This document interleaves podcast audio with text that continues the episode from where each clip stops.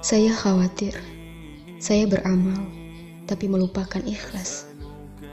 Saya khawatir, saya bersabar, namun tidak bertawakal. Saya khawatir melakukan kebaikan, lalu hangus karena sedikit saja rasa ujub yang bersemayam. Saya khawatir amalan saya tidak cukup untuk membawa saya ke surga. Saya khawatir waktu yang Allah berikan di dunia terbuang sia-sia dan tidak membawa kebermanfaatan untuk dunia dan akhirat. Kita tidak pernah tahu kapan akhir masa hidup kita.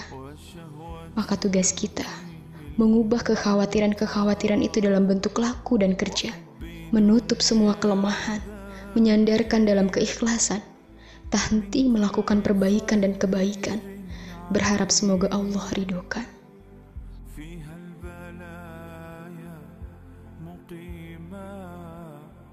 وحشوها فات وأشغال